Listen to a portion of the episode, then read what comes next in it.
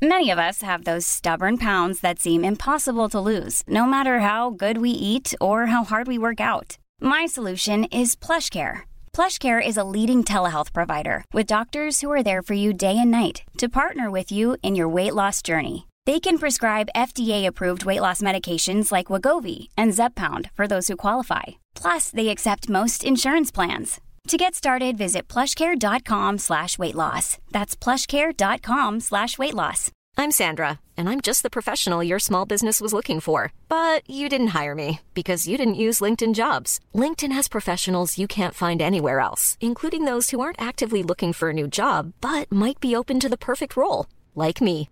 In a given month, over 70% of LinkedIn users don't visit other leading job sites. So if you're not looking on LinkedIn, you'll miss out on great candidates like Sandra. Start hiring professionals like a professional. Post your free job on linkedin.com slash spoken today. Now's the time to save 30% on wedding jewelry, only on BlueNile.com. Make sure your wedding ring is the one with your pick of diamond and lab-grown diamond bands, all hand-finished and graded for excellence. Or surprise her with something blue she'll love for life, like a stunning pair of sapphire earrings. Blue Nile's jewelry experts are available 24-7 to help. From fit questions to style advice. Right now, get up to 30% off at BlueNile.com. BlueNile.com. Palmemordet. Historien om ett band del 3.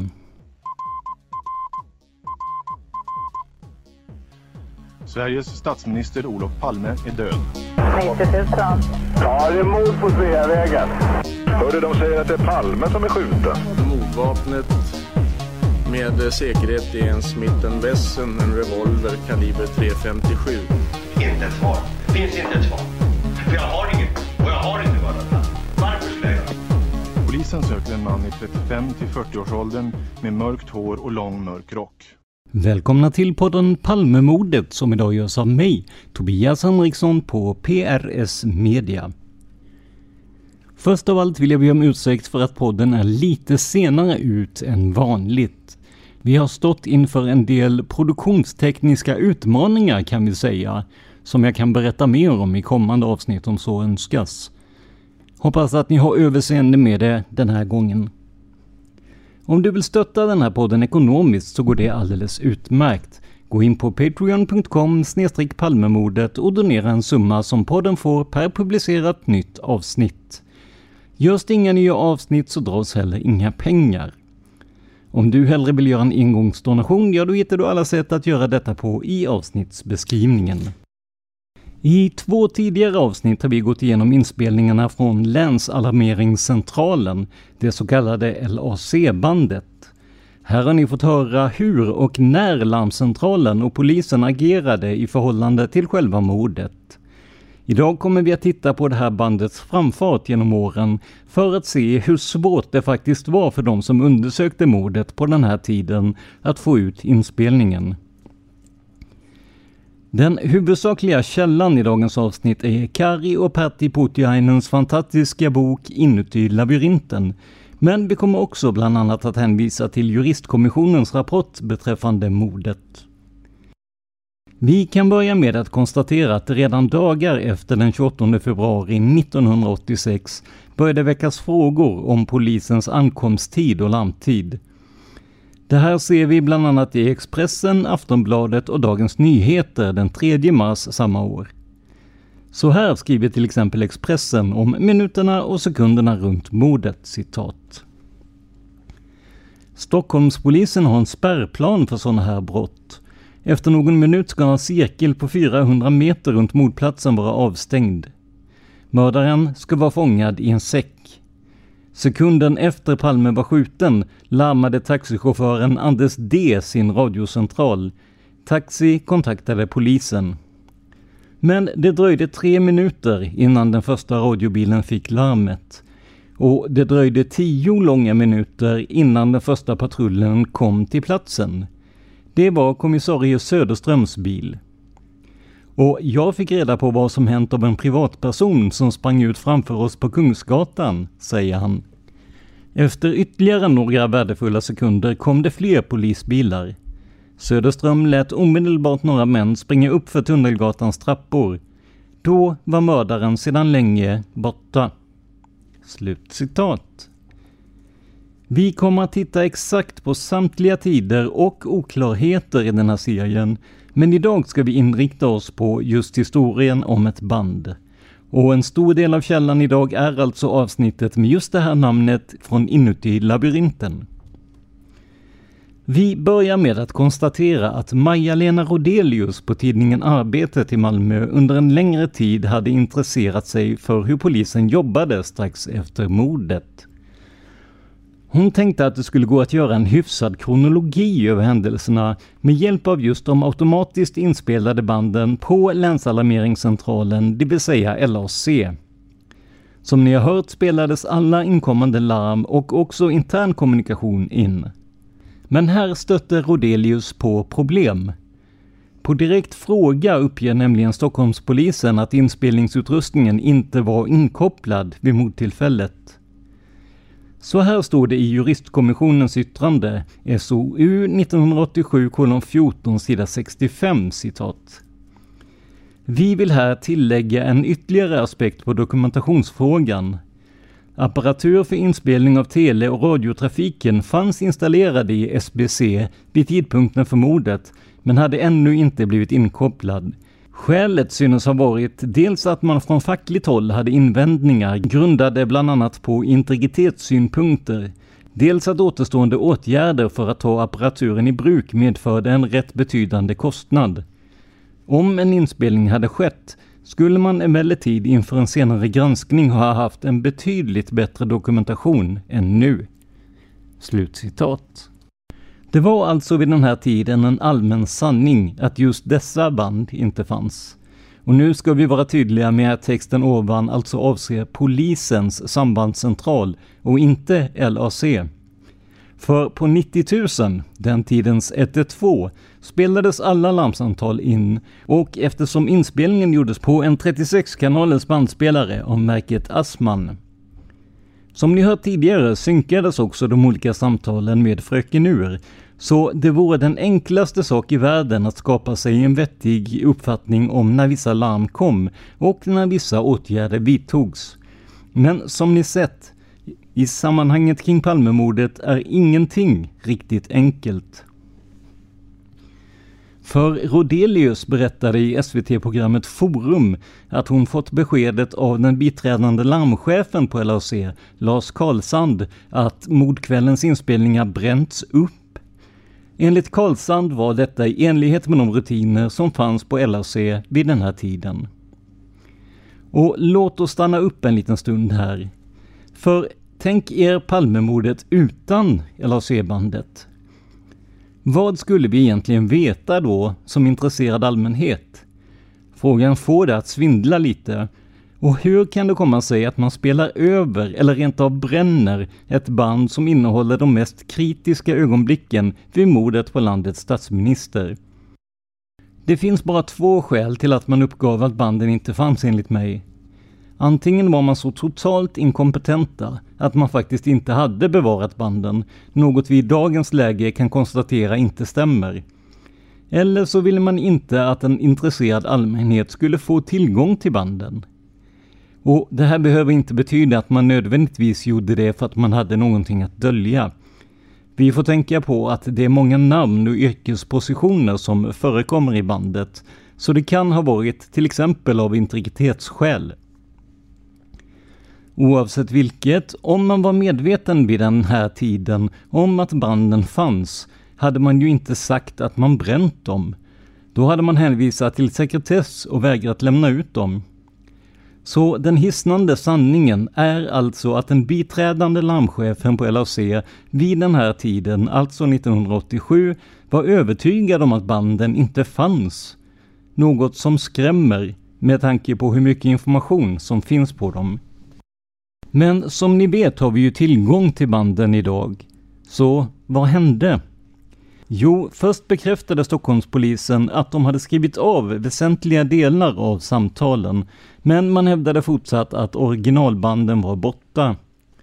Dock ska man ha haft en kopia av samma samtal som hade skrivits ut.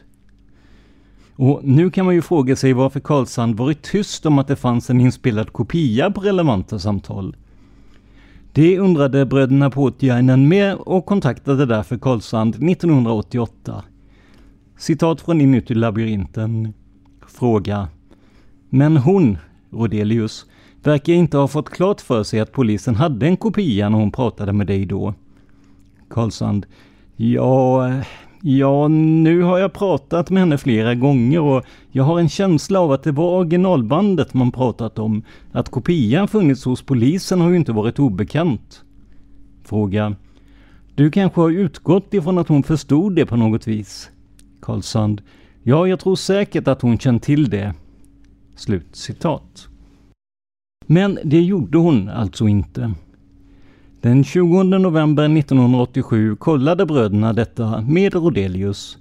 Men samma dag publicerade Göteborgs-Posten en avskrift av ungefär hälften av polisens bandkopia. Den del av polisens kopia som GP fått slutade med den första kontakten mellan LAC och ambulansen som senare kom att köra Olof Palme till sjukhuset.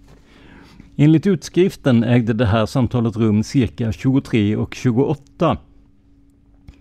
Det här samtalet kommer att bli viktigt för den bittra striden mellan Hans Holmér och Gösta Söderström om vem som hade rätt om tiderna. Men det kommer vi till i ett annat avsnitt. Hur som helst, det fanns alltså en kopia av bandet, tvärt vad polisen inledningsvis hade sagt. Bröderna Puutiainen ställer sig nu frågan om bandet manipulerats för att visa att de officiella tiderna är korrekta och de som Söderström uppger felaktiga. Och lägg nu märke till att det här inte är en misstanke som kommer från mig eller från oss som podd, utan det här är vad som går att hitta inuti labyrinten. Vi kommer att återkomma till det här ämnet om en liten stund. Men nu kom det nya uppgifter från Lars Karlsand på polisen. Originalbandet var inte längre bränt, utan hade återanvänts i produktion, det vill säga man hade använt det på LAC och spelat över det med nya samtal. Hos LAC fanns nämligen runt 60 band som räckte i vardera ungefär ett dygn. Med andra ord, efter ungefär två månader var alla banden använda och man måste börja spela över dem. Karlsson säger dock att Palmenbandet möjligen sparats längre än de angivna två månaderna. Och som ni vet sparades det ju mycket längre än så. Det som hade bränts visade sig nu vara utskrifter på till exempel ambulansloggar från mordkvällen. Detta ska ha skett i maj 1987 enligt Karlsson. Polisen tillvaratog inte heller någon egen kopia av just ambulansloggen, enligt Karlsson. Historien om bandet är redan nu en härva utan dess like, vilket ni säkert märker av alla turer. Efter påstötning begärde parlamentarikerkommissionen ut en kopia av bandet och stämde av att det som sades stämde överens med den utskrift man fått. Men längre än så gick man inte. Nu begär bröderna Portiainen själva ut bandet.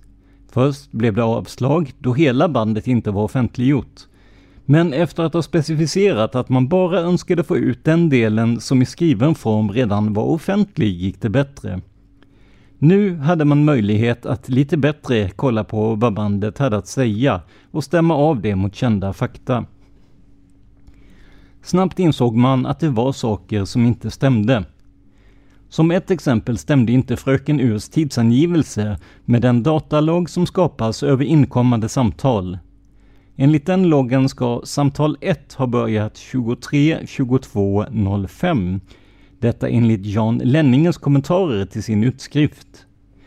Medan man på bandet kan höra att samtalet börjar 23.22.14. Det är förvisso ingen stor skillnad, bara nio sekunder, men i alla fall en diskrepans som kunde vara värd att titta närmare på.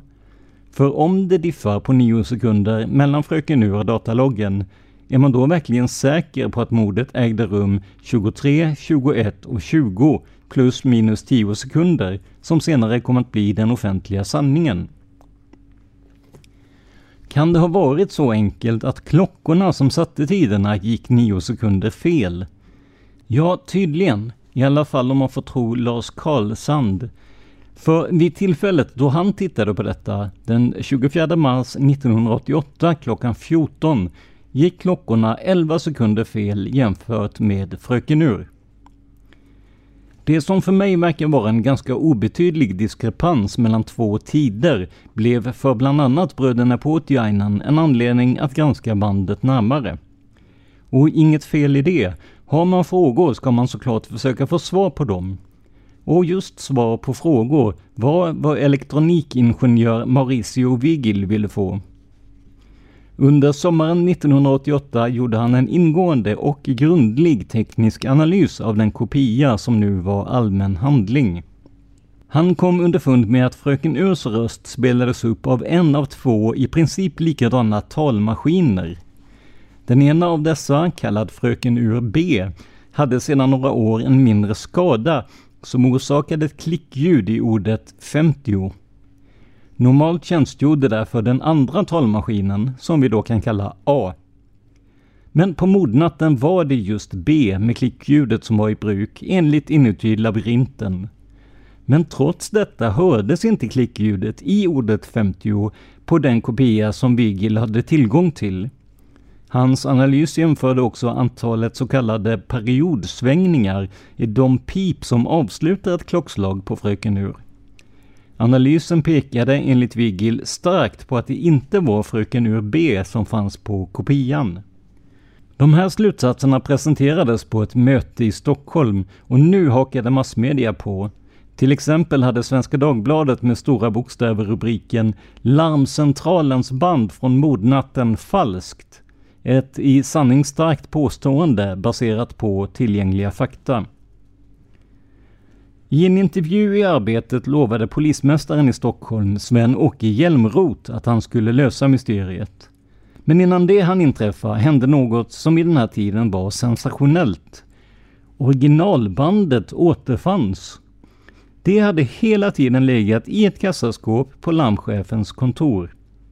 Vid den här tiden sa man att det citat förmodligen slutcitat hade inspelningen från mordnatten intakt. Det var just Lars Karlsson som initierat sökandet. Han visste att bandet i något skede tagits i beslag av polisen och uttryckte nu också att bandet möjligen sparat längre än de avsedda två månaderna. Detta trots att han alltså själv sagt till journalister att bandet inte fanns. Beslaget från polisen ska ha ägt rum den 25 april 1986, bara dagar innan bandet skulle in i produktion igen och därmed spelas över. Karlsand menar också att ingen chef varit närvarande när bandet lämnades tillbaka, utan att det ska ha tagits emot av en servicetekniker.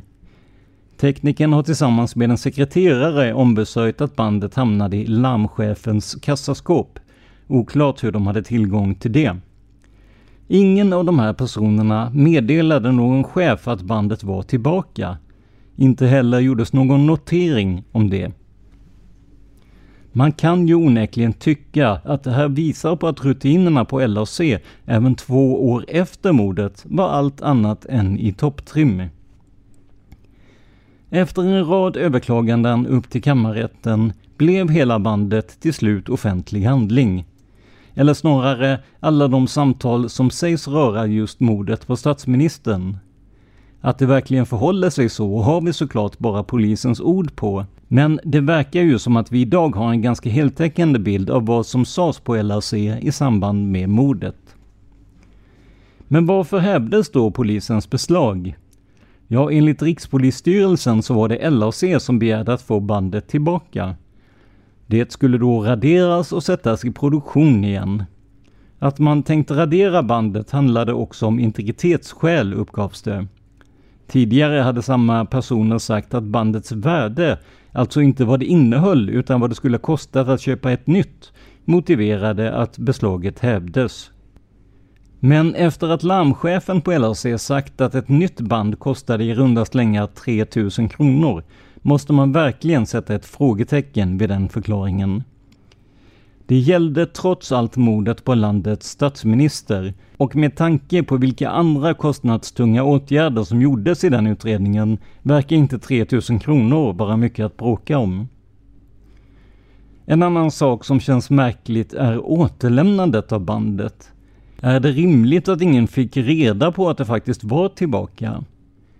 Bröderna Putiainen kontaktade personen som kvitterat mottagandet. Bröderna Putiainen kontaktade personen som kvitterat mottagandet, som dock inte ville säga mycket om återlämnandet. Hon hänvisade till Lars Karlsand och säger i övrigt inte speciellt mycket om det hela. This podcast is brought to you by eHarmony, the dating app to find someone you can be yourself with. Why doesn't eHarmony allow copy and paste in first messages?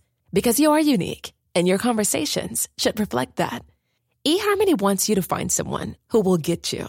How are you going to know who gets you? If people send you the same generic conversation starters, they message everyone else. Conversations that actually help you get to know each other. Imagine that. Get who gets you on eHarmony. Sign up today. One size fits all seems like a good idea for clothes until you try them on. Same goes for healthcare. That's why United Healthcare offers flexible, budget friendly coverage for medical, vision, dental, and more. Learn more at uh1.com. There's never been a faster or easier way to start your weight loss journey than with PlushCare. PlushCare accepts most insurance plans and gives you online access to board-certified physicians who can prescribe FDA-approved weight loss medications like Wigovi and Zepbound for those who qualify. Take charge of your health and speak with a board-certified physician about a weight loss plan that's right for you. Get started today at plushcare.com slash weight loss. That's plushcare.com slash weight loss. plushcare.com slash weight loss. Hon menar att minnet av händelsen inte är det bästa och säger att hon inte minns att det skulle ha varit just Palmebanden som det hela gällde. På kvittot står det dock citat Undertecknad har innevarande dag mottagit utelämnad text, arkivband, utelämnad text, innehållande samtal och radiokommunikation under det dygn som Palme mördades. Slutcitat.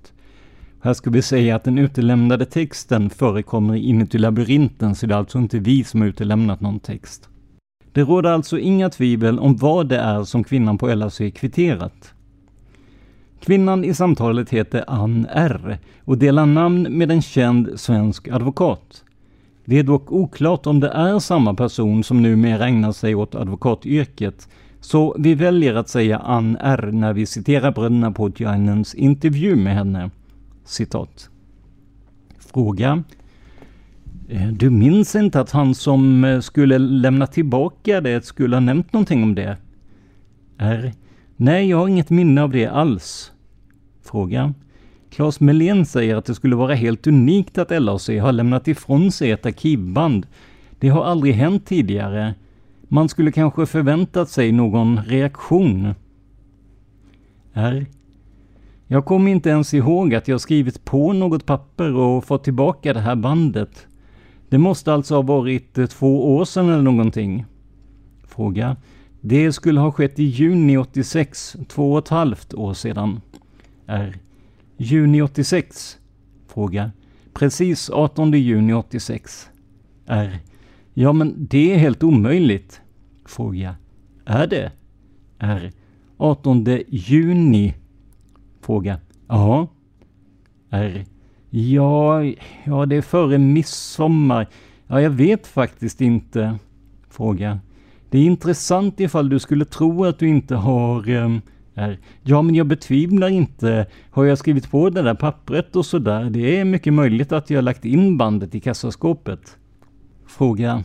Du hade tillgång till Melens kassaskåp, eh, nyckel, så att du kunde lägga in det där. Kommentar Claes Melén är alltså LRCs larmchef enligt Inuti labyrinten. Slutkommentar är Ja, jag har nämligen ansvar för det där kassaskåpet. Men som sagt, något mer vet jag inte om, så jag vill inte svara på någonting. Fråga. Men du har i alla fall jobbat den dagen, du har inte varit på semester? R. Det vet jag inte heller, för två år sedan. Sånt kommer jag inte alls ihåg. Fråga. Du kommer inte ihåg när du hade semester den sommaren? R. Jo, jag kommer ihåg att jag jobbade till... Eh, jo, det kommer jag ihåg. Jag jobbade... Utelämna text. Om det här vet jag ingenting som inte han, Karlsand, vet. Han är ju den som vet någonting. Jag har ju inte ens vetat att det där bandet legat där knappt.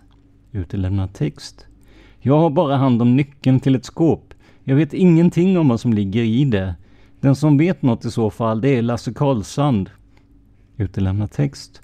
Jag kommer inte alls ihåg. Det är möjligt om man eh, börjar nysta och berätta detaljer hit och dit att man kan påminna sig saker och ting. Men som sagt, det får gå via min arbetsgivare i så fall om eh, det skulle vara något av intresse. Utelämnad text. Jag vill varken säga bu eller bä om någonting. Slut citat. Och det här citatet är alltså från Inuti labyrinten, kapitlet Historien om ett band, sida 810 och 811. Den utelämnade texten finns i Inuti labyrinten och i ingenting som vi själva utelämnat. Det var vid den här tiden en unik händelse att LAC-band lämnades ut och då också följaktligen att de återlämnades. Så man kan tycka att det borde gå att komma ihåg. På kvittot som Ann R signerade står också väldigt tydligt att det är från natten då Palme mördades. Samtidigt som bröderna Puotiainen och Mauricio Vigil undersökte banden gjorde Statens kriminaltekniska laboratorium detsamma. Då kallades de SKL, men idag heter de Nationellt forensiskt centrum och förkortas följaktligen NFC. Här arbetade man med att framställa arbetskopior av det återfunna originalbandet och att sedan analysera dessa. Det tog inte lång tid innan man kunde konstatera att citat Vigil gjort korrekta mätningar men fått felaktiga resultat, slutcitat. Eftersom den kopia han hade var tekniskt undermålig, eller citat mycket bristfällig, slutcitat som SKL själva uttrycker det. Att SKL avfärdade alla uppgifter om manipulation läcktes relativt snabbt enligt Inuti labyrinten. Det man inte läckte var dock att LAC låtit bli att kopiera ett flertal samtal som rörde mordet. Detta enligt Inuti labyrinten. Samma bok skriver att Jan Lenninge, som var först med att lyssna av banden och transkribera dem, dolde att han visste att det han fick lyssna på inte var alla samtal. Han skrev i sin rapport att han avlyssnat alla samtal. Men jämfört med det nu återfunna originalet saknades flera samtal. Och hur vet vi då att Lenning kände till originalet? Jo, för på sida 5 i sin rapport skriver han citat ”På originalbandet hörs...” Slutcitat. Parlamentarikerkommissionen skriver också citat sedan åkte Lenninge till länsalarmeringscentralen och lyssnade på originalbandet. Han kontrollerade utskriften som hade gjorts mot originalbandet för att se om det fanns något ytterligare på originalbandet som inte hade funnits på bandkopian. Utelämnad text. Lenninge förklarade att det inte förelåg någon oklarhet beträffande vad som sades på bandet. Slut citat. Och som vanligt, den utelämnade texten är utelämnad även i boken Inuti labyrinten. Den 25 november 1988 kom SKLs rapport om banden. Man fastslog att ingen manipulering förekommit, men om man läser vidare i rapporten så ser man följande enligt Inuti labyrinten. Endast den första delen av samtal 1, alltså det initiala larmförsöket från Leif L, hade kopierats. Samtal A, alltså motringningen från LAC till Järfälla Taxi, fanns inte heller på kopian. Det var i det här samtalet man ville försäkra sig om det var i Stockholm eller Järfälla mordet ägt rum. Ytterligare 13 samtal kallade B till N saknades på polisens kopia. Två av dessa ägde rum innan 23 och 43, som var den sista tidsangivelsen på kopian. Dessa två måste alltså aktivt ha lyfts ut. De faller så att säga inte på att de inkommer för sent. Det kan också konstateras att polisens utskrift på många ställen var direkt felaktig. Det är inte så märkligt då den första kopian var undermålig jämfört med den som framställdes från originalbandet av SKL. Nu ska vi fundera lite på varför de här sakerna utelämnades eller blev fel. Och jag vill poängtera att det här är egna tankar och spekulationer, så slipper jag få massa arga mail sedan. Det första larmsamtalet, som egentligen aldrig kom fram till polisen, kan ju ha klippts för att det framstår som taffligt att polisen inte svarar på ett samtal från 90 000. Det är förståeligt, om än inte hederligt. Samma sak skulle kunna gälla motringningen. Det framstår kanske som lite taffligt det med och jag kan tänka mig att man ville undvika spekulationer och medvetna fördröjningar på mordnatten genom att utelämna detta. Bokstavssamtalen gäller främst samtal från media. Det kan hända att man inte ansåg att det här var av intresse för allmänheten eller att man ville skydda inringarnas identiteter. Men som sagt, det här är alltså bara mina tankar kring det hela. Något som bröderna Poutiainen lägger en del energi på i sin bok är att Kenneth Ed, som jobbade på LAC och bland annat gjorde motringningen till Järfälla Taxi, var med när bandkopian, alltså den där samtalen saknades, framställdes. Det ska nämnas att han var här i rollen av facklig representant. Vill man vara konspiratorisk kan man såklart säga att Ed plockade bort sin motringning för att han tyckte att den framstod som tafflig. Men å andra sidan kan det faktiskt ha varit på fackliga grunder det gjordes. Till exempel för att inte hänga ut enskilda medarbetare eller för den delen personalen på Järfälla Taxi. Så jag anser att det är hur man väljer att se på detta som avgör om det finns något mystiskt i att Kenneth Ed var med när kopian gjordes. Själv tror jag inte att det är något skumt om jag ska vara ärlig, med reservation för att jag kanske är blåögd. Men vad säger Ed själv om att motringningen inte fanns med i kopian? Det ska vi snart ta reda på, men först ska vi höra om Lars Karlsand också var med vid kopieringen av bandet. Citat. Fråga. Tidigare har du berättat för mig att du, när det gäller det första samtalet, att du hade för dig att det var en kvinnlig polis som svarade. Det avsnittet finns inte på den kopia som polisen har fått. Det har ju nu bekräftats från det nya bandet att det verkligen var som du mindes. Karlsand. Jag vet också att jag har sagt till dig att jag har haft något minne av det på något sätt var ett svar som kommer så småningom efter det att han lagt på luren. Och om det inte finns på polisens kopia? Fråga. Det gör det inte. Nej, Karlsson. Det gör inte det.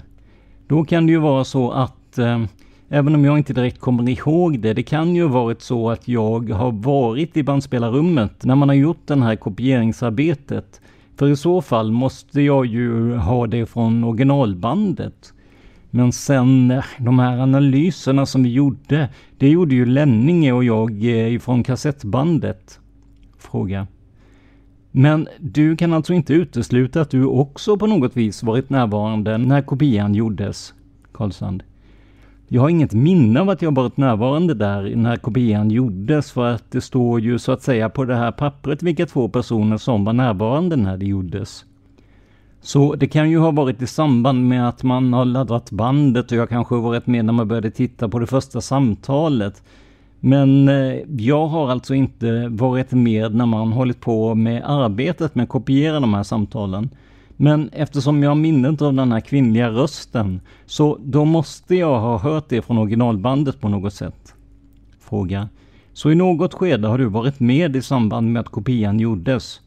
Karlsand. Ja, det har jag. Slut citat. Vi ska nu se vad Kenneth Ed säger om att motringningen saknades på den kopia som han själv var med att framställa. Vi citerar från Inuti labyrinten på sida 817 och framåt.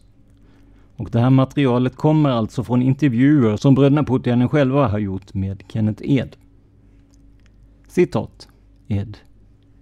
Eh, det har jag ingen förklaring till. Antagligen var det väl att... Eh, jag vet inte, jag har ingen förklaring till det måste jag säga. Fråga. Borde det ha tagits med? Ed. Nej, jag tycker inte... Nej, det tycker jag inte eftersom eh, det bara var för att kolla en uppgift om det var i Stockholm eller Järfälla. Jag kommer inte ens ihåg att jag gjorde den där motringningen. Så jag fäste ingen större avseende vid den tydligen. Utelämnad text. Det är ju bara en kontroll av en adressuppgift om det är här eller där. Utelämnad text. En intern sak som inte har med själva mordet att göra. Fråga. Det är också en del annat som inte kom med. Dels det allra första samtalet, han som blir kopplad till polisen men inte får svar där. Det har inte tagits med i sin helhet, bara 25 sekunder av totalt 80 sekunder. Utelämnad text. Det saken gäller är att ni, när ni gjort kopian, bedömt det som att det inte är väsentlig information eftersom ni inte har tillställt polisen det. Har du någon bra förklaring till det? Ed. Nej, jag är ju bara med som facklig representant vid avspelningen. Jag är bara med för att se till att det går rätt till. Jag är med för att eh, man går in i bandspelaren så att säga och lyssnar på personalen och då ska det vara en personalrepresentant med. Fråga. Vem är det då som beslutar om vad man ska ta med? Ed. Det måste ju vara larmchefen som beordrar avlyssningen på polisens order, direktiv i så fall. Fråga. Men är hans order så specifika att han talar om exakt vad ni ska ta med? Ed. Nej. Fråga. De som gör kopieringen måste själva göra den bedömningen. Ed. Ja, i sådana fall är det ju det då. Sen får man ju lyssna av det hela innan man skickar iväg det, att det är så att säga okej. Okay. Fråga. Och larmchefen är inblandad i den avlyssningen? Ed. Jag vet faktiskt inte hur det var i det här fallet. Fråga. Hur brukar det vara? Ed. Det är lite olika. Det beror ju på tillgång, om personalen är närvarande, vem som är närvarande. Fråga. Kommer du ihåg hur det var i det här fallet? Ed. Nej, det gör jag inte. Fråga. Jag tänker på hur ni bestämde vad som ska vara med och inte med. Var det du eller var det Almen eller ni tillsammans som tyckte att det här kan vi ta med och det här tar vi inte med? Ed.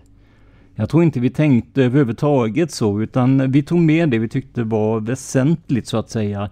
Jag tror inte att man tänkte ens att det här tar vi inte med för det är inte viktigt, utan vi tog med de samtal som gav någonting så att säga. Fråga. Men då blir det ju automatiskt så att man gör en bedömning att det här samtalet är... Nej, det är... Ja, just det, det var ingen som fick svar där bara, så att eh, då tycker man väl att det kanske inte var, eh, ja, föra till utredningen. Sen är det lätt nu att säga att det hade varit intressant att ta med, men dagen efter eller när det var, två dagar senare när det här gjordes, då hade man ju inte sett saken på samma sätt som man kanske gör idag. För då ville man ju bara ge polisen vettiga uppgifter som de skulle kunna jobba på. Utelämna text. När man vet hur det här ärendet har blivit kanske man hade gjort på ett annat sätt. När man har facit i handen. Slutcitat. När Ed säger nej det är, ja just det, det var ingen som fick svar där, så har vi en fotnot från inuti labyrinten. Citat. 50. Ed syftar här antagligen på Leif L som inte fick svar hos polisen. Slut citat. Ja, historien om bandet är både lång och krånglig. Och då har vi ändå inte gått in på eventuella motsättningar i själva innehållet. Men det kommer vi såklart till i kommande avsnitt. Jag kan passa på att säga att vi har intervjuat Kari Putiainen om just inuti labyrinten. De här avsnitten finns att lyssna på längre tillbaka i vår feed. Tyvärr med lite sämre ljud då en av våra mikrofoner slutade fungera så vi fick ha en backup-lösning, men i alla fall. Efter det besöket insåg också Kari Putiainen att det var läge att slänga ut boken på nytt på marknaden. Det vill säga att göra en ny upplaga. Innan dess hade boken gått för åtskilliga tusenlappar på auktionssajter som Tradera. Inuti labyrinten om mordet på Olof Palme av Kari Putiainen och Pertti Putiainen finns bland annat på Bokus, kostar där 389 kronor och har fem stjärnor i betyg. Vi rekommenderar er verkligen att införskaffa den här boken om ni inte redan gjort det. Den är vansinnigt spännande och djuplodande och går igenom de viktigaste delarna av vad som hände strax efter mordet på landets statsminister. Innan vi slutar för idag vill jag kuppa in lite reklam. För jag såg att Dan hade lagt ut information om Massmördarpodden på Palmemordets feed. Så då passar jag på att göra något liknande. Jag vill helt kort berätta om att jag driver tre andra poddar med om ni vill höra mer av mig. I Tänk om vänder och vrider jag och Jenny Sterner på en massa konspirationsteorier och ser om de är sanna, möjliga eller helt kan avfärdas. Jenny är ett nytillskott till podden och ni som lyssnat på Dans poddar känner igen hennes namn. Hon har nämligen skrivit ett stort antal avsnitt till bland annat Massmördarpodden, Seriemördarpodden och Mördarpodden. Tänk om släpps varannan torsdag, oftast med nyskrivna manus av just Jenny. Som vanligt är den, liksom alla poddar jag jobbar med, helt gratis och finansieras av donationer och reklam. ACAST powers the world's best podcasts. Here's a show that we recommend. The Real Housewives is a guilty pleasure for most, but if you're looking to not feel guilty about that pleasure, tune in to Everything Iconic with me, Danny Pellegrino, where I break down all the messy moments and behind the scenes antics of Bravo's popular franchise. And on Everything Iconic, I also interview celebrity guests like Kelly Ripa, Kiki Palmer, Drew Barrymore, Cameron Diaz, and more about their guilty pleasures, their past work, and so much more. So if you're pop culture obsessed and find yourself watching way too much reality TV like me, tune in to Everything Iconic with Danny Pellegrino wherever you listen to podcasts. ACAST helps creators launch, grow, and monetize their podcasts everywhere. ACAST.com. I Krimmagasinet, min senaste podd, går jag igenom såväl aktuella kriminal och rättsfall som lite äldre och kanske ibland även märkliga fall. Det här är första gången som jag jobbar med en aktualitetspodd, så jag håller fortfarande på att försöka hitta formen för den. Gå gärna in och lyssna och kommentera vad ni tycker.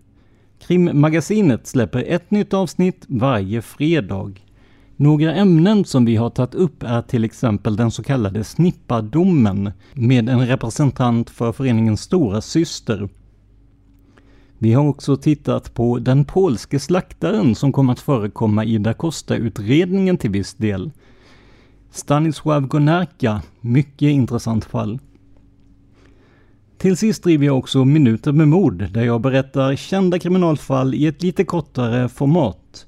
Tyvärr har den podden fått stå tillbaka lite för de andra, men jag siktar på att komma igång med den igen inom kort.